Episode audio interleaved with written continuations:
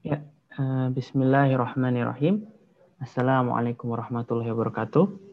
Selamat datang, uh, ikhwas sekalian. Alhamdulillah kita bisa dipertemukan kembali di Daurah Tafsir Ijmali membahas juz 23 uh, dengan pengampu Ustadz Nur Faji Ramadan. Um, semoga ikhwas sekalian malam ini masih bersemangat untuk membahas tafsir Ijmali walaupun sehabis sholat tarawih juga insya Allah kita uh, semakin semangat ya. Uh, tanpa berlama-lama agar bisa langsung dimulai, saya langsung berikan ke Ustadz Nur Fajri. Apakah sudah siap Ustadz? Ya. Filenya udah bagi belum filenya? Udah Ustadz. Ya.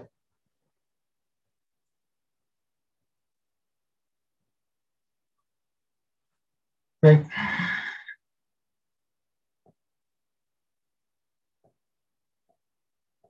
Bismillahirrahmanirrahim. Assalamualaikum warahmatullahi wabarakatuh. Alhamdulillah wa kafa sallallahu ala Mustafa wa ala alihi wa ashabihi wa ba'd. Sekalian dirahmati Allah ini uh, pertemuan ke-23 sesi ke-23 dari tafsir Jumani sebuah usaha mendapatkan gambaran global istilahnya bird's eye, uh, eye bird's view ya. bird's eye view apa sih? Jadi pandangan burung terhadap uh, uh, justice dalam Al-Quran. Jadi seolah kita aerial aerial view ya. Dan ngeliat dari udara. Seperti itu. Ngeliat dari atas uh, ya harapan itu untuk mendapatkan gambaran umum untuk kemudian kalau ya sambil terus kita dive in ya. Terus kita menyelam ke dalam tapi setidaknya untuk sebuah langkah awal kita ambil uh, general topics dulu, general meanings of the Quran. Di situ baru kita uh, kirain waktu berusaha untuk memperdalam. Jadi memang tujuan utama dari serial pengajian kita adalah uh, mendapatkan gambaran umum dari setiap juz. Dan sebelum kita singgung untuk pertemuan lalu bahwa surat Yasin tema besarnya adalah hari berbangkit. Hari berbangkit. Ya. Wadoro balana masan wa nasiya khalqa qala may dhama wa Allah sampai tegaskan itu. Karena orang musyrikin mengingkari hal tersebut. Kemudian eh, surat as-sofat karena kita surat yasin karena juz 23 ini uh, merupakan juz yang terdiri dari empat surat. Di dalamnya ada surat Yasin sebagian. Kemudian ada surat As-Sofat full. Kemudian ada surat Sot full. Kemudian ada sebagian surat Az-Zumar. Empat surat. Dan juz 23 istimewa buat saya karena uh, atau juz 22 lebih tepatnya. Karena juz 22 juz terakhir saya hafalkan. Saya setorkan terakhir juz 22. Jadi saya terakhir nyetor bima ghafara li rabbi wa ja'alani minal mukramin. Saya terakhir saya setorkan ke musyrif saya waktu itu musyrif saya adalah Ustadz Firdaus Syamsuddin LC semoga Allah jaga beliau. Asal tumbuh agung sekarang kepada beliau. Bima ghafara rabbi wa ja'alni nah, juz 23 saya udah hafalkan jauh sebelumnya uh, waktu SMA artinya uh, baru selesai hafal Quran saya setahun setelah SMA dan SMA juz 23 sudah uh, sudah. Tapi habis itu saya dari depan pindah ke depan ini ada banyak kesan sebetulnya di Jus 23. Ingatan saya akan kembali ke masa-masa SMA, eh, masa-masa di sekolah gitu ya. Baik, dan Jus 23, tadi saya bilang berawal dari surat Yasin yang tema besarnya adalah keimanan terhadap hari berbangkit, hari kemudian. Sementara As-Sofat tema besarnya adalah tentang kemenangan para wali Allah. Kemenangan para wali Allah. Kata Allah, وَلَقَدْ سَبَقَتْ كَلِمَتُنَا لِعِبَادِنَا الْمُرْسَلِينَ إِنَّهُمْ لَهُمُ الْمَنْصُورُونَ وَإِنَّ جُندَنَا لَهُمُ الْغَالِبُونَ Sungguh telah lebih lampau kalimatuna firman kami di ibadina mursalin untuk hamba-hamba kami para rasul innahum lahumul mansurun bahwa mereka akan menang, akan ditolong. Wa inna jundana lahumul ghalibun dan bahwa tentara kami mereka lah yang akan meraih kejayaan. Makanya di surat As-Saffat ini teman-teman kalau perhatikan itu mirip memang seperti surat Asy-Syu'ara. Oke, mirip nggak? Yang surat Asy-Syu'ara yakni surat yang ayatnya pendek-pendek. Jadi cepat ganti ayat. Set, set, set, set, itu surat As-Saffat. Bandingkan dengan surat sebelumnya. Yasin, panjang. Walaupun sama-sama kia. Bandingkan dengan surat setelahnya, surat panjang-panjang per ayat. Surat As-Saffat mirip Asyara, pendek-pendek. Set, set, set. Makanya itu sangat banyak. Nah, jumlah ayatnya sangat banyak. Berapa? 200 100. Berapa ya surat As-Saffat? Saya lupa. 182. Nah, 182. Bayangkan, hanya surat As-Saffat itu coba uh, surat Yasin di ini cuma 4 dan 2. Dua lembar, oke. Okay. Tiga lembar satu halaman. Berarti tujuh halaman. Dalam tujuh halaman 182 ayat. 182 ayat. Berarti satu halaman itu hampir mencapai uh, 25 ayat. 25 ayat, sekitar 25 ayat. Cukup banyak untuk ukuran surat-surat yang bukan di mufassal. Oke, okay, ini berarti makanya biasanya penghafal Quran itu challenge-nya ada di surat Al-Hijr, ada di surat Asy-Syu'ara dan di surat As-Saffat. Itu challenge-nya. Kenapa? Karena di surat-surat ini ada di tengah-tengah surat-surat yang ayatnya sudah panjang-panjang. Tapi tiga surat ini pendek-pendek ayatnya. Dan ayat kalau pendek-pendek itu tantangan sendiri bagi penghafal Al-Quran karena dia harus lebih kuat hafalannya supaya nggak banyak mikir. Karena iya waktu mikirnya singkat. Kalau ayatnya panjang, waktu mikirnya panjang. Kalau ayatnya pendek, waktu mikirnya singkat. Harus kuat. Oke. Okay. Surat As-Safat jadi gitu. Makanya teman-teman kalau perhatikan kan dia mirip seperti Asy'ara ya. Cuma bedanya penekanannya kalau di Asy'ara penekanannya pada retorika dakwah dan metode dakwah. Penekanannya. Sementara di surah As-Saffat penekanannya pada kemenangan atau happy endingnya para nabi. Yang disoroti jadi uh, adalah coba bandingin. Kalau surat Asy-Syu'ara itu ditutup dengan ayat apa? Kan kisah Nabi itu ada banyak di surat Asy-Syu'ara, ya enggak? Nah, di akhir setiap kisah Nabi, sebelum pindah ke Nabi berikutnya, ada apa? Ada ayat apa? Ah, Inna fi dzalika ayah wa ma kana mu'minin wa inna rabbaka lahuwal azizur rahim. Kan gitu. Penutupnya begitu di setiap ayat. Oke. Okay? Jadi penekanan pada uh, bukan ya penekanan pada uh, dakwahnya bukan pada happy ending atau tidak. Malah cenderung di situ ada penekanan pada bahwa pada akhirnya adalah azab. In fi ayah. Ada azab soal, soal semuanya itu. Wa makan aktsaruhum mu'minin. Kebanyakan mereka tidak beriman. Wa inna rabbaka lahwal azizur rahim. Sementara di surat As-Saffat akhir ayat akhir cerita semua nabi ada hampir selalu ada inna kadzalika najzil muhsinin innahu min ibadina mu'minin. Penekanan di inna kadzalika najzil muhsinin. Demikianlah kami balas orang-orang muhsin. Tadi ya, tema besar sobat ini adalah kemenangan hamba-hamba Allah Subhanahu wa taala. Sebanyak maka kita bisa lihat ada Nabi Yunus, happy ending Nabi Yunus. Fa'amanu famata'nahu bilahi. Nabi Lut bahkan yang meskipun diazab, Allah Subhanahu wa taala gambarkannya dalam konteks positif di akhirnya. Bukan sedih, akhirnya senang. Kenapa? Karena kata Allah, eh, wa inna lut talam yang mursalin najjaynahu wa ahlahu ajma'in illa ajuzan fil ghabirin thumma dammarna al-akhirin wa innakum takununa ala musbihin wa billahi afala ta'qil. Juga Nabi Ilyas, Nabi Musa, Nabi Harun dan seterusnya. Oke. Ini surah As-Saffat. Surat uh, berikutnya surat Sot, surat Sot. Dan penting diingat bahwa uh, surat As-Saffat ini surat hari ke-6.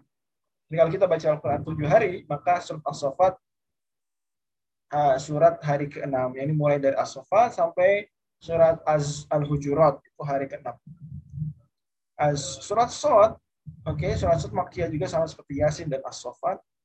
Uh, cuma tadi saya bilang bahwa surat Sot lebih panjang per ayatnya. Oke, okay. ciri khas di juz-juz kayak gini begitu nanti azuma eh, dan serasa tema besarnya adalah kembali kepada kebenaran adalah uh, taubat kalau kita boleh bilang tapi mungkin lebih tepatnya bukan taubat ya. jadi menyadari kesalahan kemudian kembali kepada kebenaran menyadari kesalahan kemudian kembali kepada Makanya di surat ini Allah Subhanahu wa taala sebutkan beberapa nabi oke di mana nabi-nabi tersebut kemudian melakukan sesuatu kesalahan. Kemudian Allah tegur kemudian kembali kepada kebenaran. Begitu. Berulang. Nabi Dawud, Nabi Dawud Dawud annama fatannahu fastaghfara rabbahu wa kharra raki'an wa anab. Nabi Daud ditegur Allah. Kemudian Nabi Daud tobat. Nabi Sulaiman juga sama. Ala ala kursiyihi jasada summa anab. Qala rabbi ighfirli wa hab li mulkan la yanbaghi li ahadin min ba'di innaka antal wahhab. Terus Nabi Ayub begitu juga sama. Wa khudh bi yadika dhilfan bihi wa la tahnas inna wajadnahu sabira ni'mal abdu innahu awwab. Awwab, perhatikan. Karena awwab, taubat kembali kepada kebenaran setelah ditegur. Nabi Ibrahim sama. Wadkur ibadana Ibrahim wa Ishaq wa Yaqub ulil aidi wal abasar. Ismail dan seterusnya. Pun Nabi Adam alaihissalam Allah kisahkan juga di situ bagaimana Nabi Adam uh, ya pada akhirnya tersirat melakukan kesalahan uh, walaupun tidak disebutkan di situ kisah melakukan kesalahan tapi terfahami bahwa dari cerita Nabi Adam yang berulang akan seperti itu. Cuma yang disurat sama Allah bukan Nabi Adam yang dikisah itu, tapi iblisnya. Kalau seolah Allah membandingkan, kalau para nabi keliru, ditegur, tobat, menyadari salah, kembali kepada kebenaran. Kalau iblis salah, keliru, ditegur, malah makin parah, menyimpang. Dan ini pelajaran buat kita. Gitu ya. Allah Kemudian surat Az-Zumar, jadi surat As-Sod, surat As-Sod tema besarnya kembali kepada kebenaran. Kemudian surat Az-Zumar tema besarnya adalah tauhid yang murni, tauhid yang murni. Kata Allah di awal di awal surat, "Ala lillahi dinul khalis." Tahuilah milik Allah lah agama ibadahan yang murni, yang ikhlas. Dan di satu surat Allah Subhanahu wa taala akan paparkan banyak konsep-konsep tauhid yang murni. Surat Az-Zumar. Oke. Itu gambaran overview terhadap juz 23. Uh, teman-teman saya dirahmati Allah Subhanahu wa taala, coba dilihat uh, teksnya. Kekuasaan tidak hanya melenakan bagi yang salah memanfaatkan. Ia pun bara ujian dan membara, sekalipun bagi yang menggenggamnya dengan sarung tangan keimanan. Ingatlah Nabi Daud yang mempunyai kekuatan luar biasa dalam ibadah. Allah kokohkan pula kerajaan beliau. Namun Allah uji beliau dengan dua orang yang masuk tiba ke mihrab dengan memanjat. Jadi dua orang ini manjat naik ke mihrab di Masjid Baitul Maqdis itu adalah tempat uh, khusus para ustadznya, para ustadahnya gitu ya, para uskupnya ada di lantai kedua tempat mereka menyendiri itu mihrab bukan mihrab yang masjid sekarang itu beda istilah kalau mihrab masjid sekarang itu cekungan di depan masjid tempat imam itu mihrab tempat imam cekungan itu itu uh, mihrab. Oke, okay? didesain mihrab oleh para arsitektur uh, para arsitek muslim dulu untuk mengencangkan suara imam. Karena makanya didesain sedemikian rupa cekungan melengkung agar suara imam meskipun ke depan tapi terpantul ke belakang dan jadi kencang. Ya, jadi desain melengkung gitu memang seperti itu. Itu dulu ya sebelum ada mic sekarang ada mic ya biasanya orang nggak nggak terlalu memperhatikan bagaimana bentuk mihrab malah cenderung nggak cekung ya nggak bulat tapi kotak tapi itu bukan itu makna mihrab di sini makna mihrab di sini sama seperti di surat Al Ali Imran yaitu uh, mihrab adalah tempat penyendirinya para ustadz seperti kamar-kamar mereka ruangan-ruangan khusus mereka menyendiri ada di lantai kedua nah ini mereka manjat ini padahal mihrabnya tempat privasi sebetulnya mereka manjat dua orang ini saat beliau sedang khusyuk bertasbih bersama gunung dan burung. Mereka ngapain? Mereka bersengketa mengenai kambing di awal atau di halaman kedua surat surat. Mereka berkongsi, entar loh, salah satu mereka memiliki 99 kambing. Sementara kawan yang lain memiliki satu kambing. Mereka berkongsi dalam penggembalahan. Si pemilik satu kambing menuturkan bahwa suatu ketika si pemilik 99 kambing memaksa ambil satu kambing miliknya maka Nabi Daud ketika mendengar itu, langsung memberikan putusan. Nah, beliau keliru nih dalam ilmu peradilan. Beliau melakukan kekeliruan di sini. Kenapa? Karena langsung memberikan putusan tanpa mempersilahkan pihak terdakwa, tertuduh dalam hal ini untuk memberikan pembelaan atau memperjelas hal yang terjadi sebetulnya. Jadi nggak boleh harus kita dua sisi. Karena hanya mendengar dari satu sudut pandang saja. Ini berlaku dalam semua hal. Tapi intinya Nabi Daud sini keliru. Nabi Daud langsung saja memberi putusan tanpa mendengar jawaban terdakwa. Di situlah Allah menegur Nabi Daud. Beliau lalu bertaubat dan Allah ampuni. Nabi Daud lalu sujud syukur. Harta juga menyimpan ujian kesyukuran yang tidak boleh dilewati, sekalipun oleh orang soleh. Ingatlah, ketika pada suatu sore ditunjukkan kepada Nabi Sulaiman kuda-kuda beliau yang jinak, yang kuat, lagi sangat cepat larinya. Namun, karena terlalu sibuk dengannya, beliau melewatkan sembahyang sore hingga habis waktunya dengan terbenamnya matahari. Beliau berkata, Inni ahbabtu hubbal khairi an dzikri rabbi hatta tawarat bil hijab. Aku menyukai kuda-kudaku yang baik ini. Tapi yang membuatku lalai dari Tuhanku sampai matahari terbenam. Lalu Nabi Sulaiman memerintahkan supaya kuda-kudanya dikumpulkan. Kemudian beliau sembelih. Ya. Jadi Nabi Sulaiman itu ada momen dia beliau menaklukkan kerajaan di utara Kemudian dapat gondimah banyak kuda. Kuda banyak. Bagus-bagus kudanya. Hebat-hebat. Kuda Turki. Kemudian beliau senang banget lihat kuda sampai lupa. Sehingga matahari terbenam. Dan beliau ada ibadah khusus ya di syariat beliau. Eh, kalau kita mungkin seperti sholat asar. Ada ibadah khusus sebelum matahari terbenam. Deadline-nya matahari terbenam. Eh, matahari keburu terbenam. Belum, belum, belum beliau apa lakukan. Laksanakan. Maka beliau sedih sekali. Merasa ini ternyata gara-gara saya lalai dari dengan kuda, ah kudanya dikumpulin disembeli dibagi-bagi dagingnya ke seluruh warga kerajaan. Luar biasa Nabi Sulaiman ini menyadari kesalahan. Juga ya, lanjut dulu, sakit dan kemiskinan pun ujian yang menguji kesabaran dan ketabahan seorang hamba. Lihatlah Nabi Ayub yang tadinya kaya raya dan berfisik bugar. Kemudian Allah timpakan musibah lenyapnya harta beliau dan sakitnya sekujur tubuh beliau selama 18 tahun. Namun alih-alih kebencian terhadap ketentuan Allah, alih-alih benci terhadap ketentuan Allah, Nabi hanyalah mengadu padanya. Mengatakan, Anni masaniya syaitanu binusbi wa adab.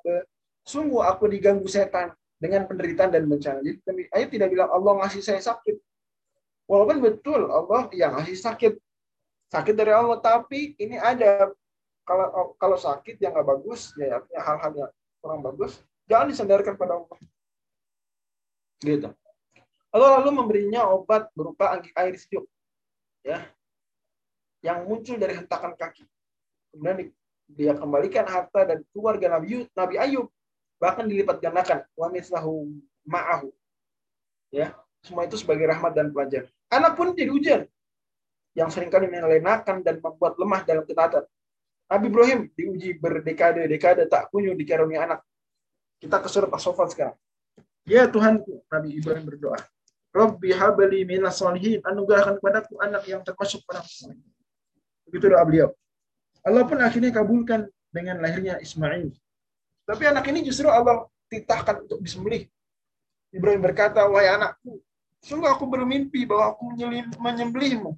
Maka bagaimana pendapat Lalu Ismail tanpa ragu menjawab, Ya abatif al-matumar. Wahai ayahku, lakukan apa yang diperintahkan Tuhan kepadamu. Insya Allah, satu ini insya Allah sabirin, engkau akan dapatnya aku termasuk orang yang sabar. Maka Nabi Ibrahim pun melaksanakan perintah Tuhan. Namun Allah Subhanahu wa taala selamatkan dulu Nabi Ismail dan mengganti sembelihannya menjadi domba besar sehingga Nabi Ibrahim ketika mau menyembelih udah falama aslama wa ta'ala sudah direbahkan Nabi Ismail sudah pisau didekatkan ke leher beliau, kemudian mata Nabi Ismail ditutup, Nabi Ibrahim tidak berani melihat mata anaknya. Kemudian pas seperti itu, tiba-tiba Allah Subhanahu wa taala ubah atau pindahkan anaknya ke tempat lain. Kemudian Allah taruh di situ apa? Domba besar. Wa fadainahu bidzibhin azim. Karena pada akhir kata Allah, Nabi Ibrahim sudah lolos ujian. Ya. Qad saddaqa ruqya inna kadzalika nabiyyu Itu ya udah lolos ya nggak perlu sampai nyembelih udah udah fix udah kamu berhasil gitu ya lanjut tradisi leluhur pun menjadi ujian berat ketika bertentangan dengan aturan agama tak lupa kita tentu akan dakwah penuh hikmah bijaksananya Nabi Ibrahim terhadap tradisi penyembahan berhala yang dilakukan kaumnya bangsa Babilonia. Bahkan dakwahnya pun harus berhadapan dengan sang ayah, Terah atau Azar, yang merupakan salah satu pemahat berhala. Tak jemu beliau sampaikan dakwah tauhid kepada ayahnya dan kaumnya, serta kita disebut as-sofat sekarang, menanyakan hati nurani mereka, idqal Ibrahim abi idqal ya abihi wa qawmihi madza ta'budun? Apa sih yang kalian sembah? Tentang kepantasan penyembahan berhala. Suatu ketika Nabi Ibrahim muda diajak menghadiri festival kemusyrikan di tepian luar kota. Beliau menolak faqala ini sakit dengan beralasan sakit. Tapi diam-diam beliau mengendap ke rumah sembahyang para berhala. Beliau sindir berhala-berhala tersebut dengan mengatakan, Allah takulun, kalian gak makan. Malah kumlatan Oh, kalian gak jawab sih. Maka beliau kemudian hancurkan semua dengan tangan kanan beliau. Kecuali berhala paling besar. Dan kisah lengkapnya di surat Al-Anbiya. Sudah lewat di juz ke-17. Iblis pun menjadi salah satu batu besar jalan terjal keimanan. Tak heran, sebab sejak awal kita di surat As-Sod sekarang, awal ia telah berjanji di hadapan Tuhan semesta alam disaksikan ayah kita Adam beserta para malaikat. Qala fa bi'izzatika la ubiyanahum ajma'in demi kemuliaanmu pasti aku akan sesatkan mereka semua illa ibadaka minhum al-mukhlasin kecuali hamba-hambamu yang terpilih di antara mereka. Maka benarlah sungguh iblis telah menyesatkan sebagian besar di antara manusia. Diajak manusia yang hanya ter, ter, diciptakan dari tetes mani dan hina, kemudian justru tumbuh menjadi penentang terdepan melawan Tuhan. Faidah huwa khasibun mubin, surat Yasin. Sampai-sampai mereka meragukan kuasa Tuhan dengan bertanya, mengejek, Aidanisna wa kunna turaban, wa idhaman ainna la. Apa ketika kita sudah mati di tanah jadi tulang berulang, apa kita akan dibangkitkan lagi? Awa baunal awalun, apa nenek moyang kami juga begitu? akan dibangkitkan juga. Sayang, banyakkan mereka tidak paham, tidak mengerti. Hingga di akhirat Allah kembali ingatkan para manusia, alam ada ilaikum ya bani Adam la ta'budu syaitan. Bukankah aku telah perintahkan kalian wahai anak cucu Adam agar kalian tak sembah setan. Innahu lakum aduwwun mubin. Sungguh ia musuh yang nyata bagi kalian. Teruslah bersabar wahai kaum ini dalam kebaikan. Ingat, selalu bahwa bagi orang yang berbuat baik di dunia ini akan memperoleh kebaikan. Bersabarlah saat diuji dengan kekuasaan ketika diberikan cobaan berupa harta yang melimpah, sakit parah atau kemiskinan yang membuat susah. Tatkala taat harus seolah dihadapkan dengan anak, leluhur, bahkan setan dan iblis sekalipun. Jadikanlah Al-Quran yang merupakan ahsan al-hadis. Alladzina yastami'una al-qawla fayattabi'una ahsanah sebagai penguat, sebagai kata penuh kesabaran yang membuat gemetar. Karena yang kulit orang-orang yang takut kepada Tuhannya. Ya. Taqashairu minhu juludul ladzina yakhshawna rabbahum. Kemudian menjadi tenang kulit dan hati mereka. Summa talinu juluduhum wa qulubuhum ila dzikrillah. kemudian. Sekali lagi bersabarlah, sebab hanya orang-orang yang bersabarlah yang disunahkan pahalanya tanpa batas. Innama yuwaffas sabiruna ajrahum bighairi hisab dan engkau wahai nabi bersabarlah engkau wahai nabi atas apa yang mereka katakan jika mereka kafir maka sungguh Allah tidak memerlukanmu dan dia tidak meridhoi kekafiran hamba-hambanya. Paling takfuru ya wala ya wala yardul ibadil kufur Allah tidak ridho hambanya kafir. Paling tashkuru yardahu lakum. Kalau kalian bersyukur maka Allah akan ridho bersyukur wala taziru waziratun bizra ukhra surat Az-Zumar semua. Seorang berdosa tidak akan memikul dosa orang lain kemudian kepada Tuhanmu kalian akan kembalikan dan dia beritakan kepada kalian apa yang telah kami akan kerjakan. Sungguh engkau yang Nabi akan wafat dan mereka akan meninggal dunia pula. Inna kamayitun wa innahum mayitun. Suma innakum yaumil qiyamati inda rabbikum tahtasimun. Kemudian sungguh kalian pada hari kiamat akan berbantah-bantahan di hadapan Tuhan kalian. Allah misal.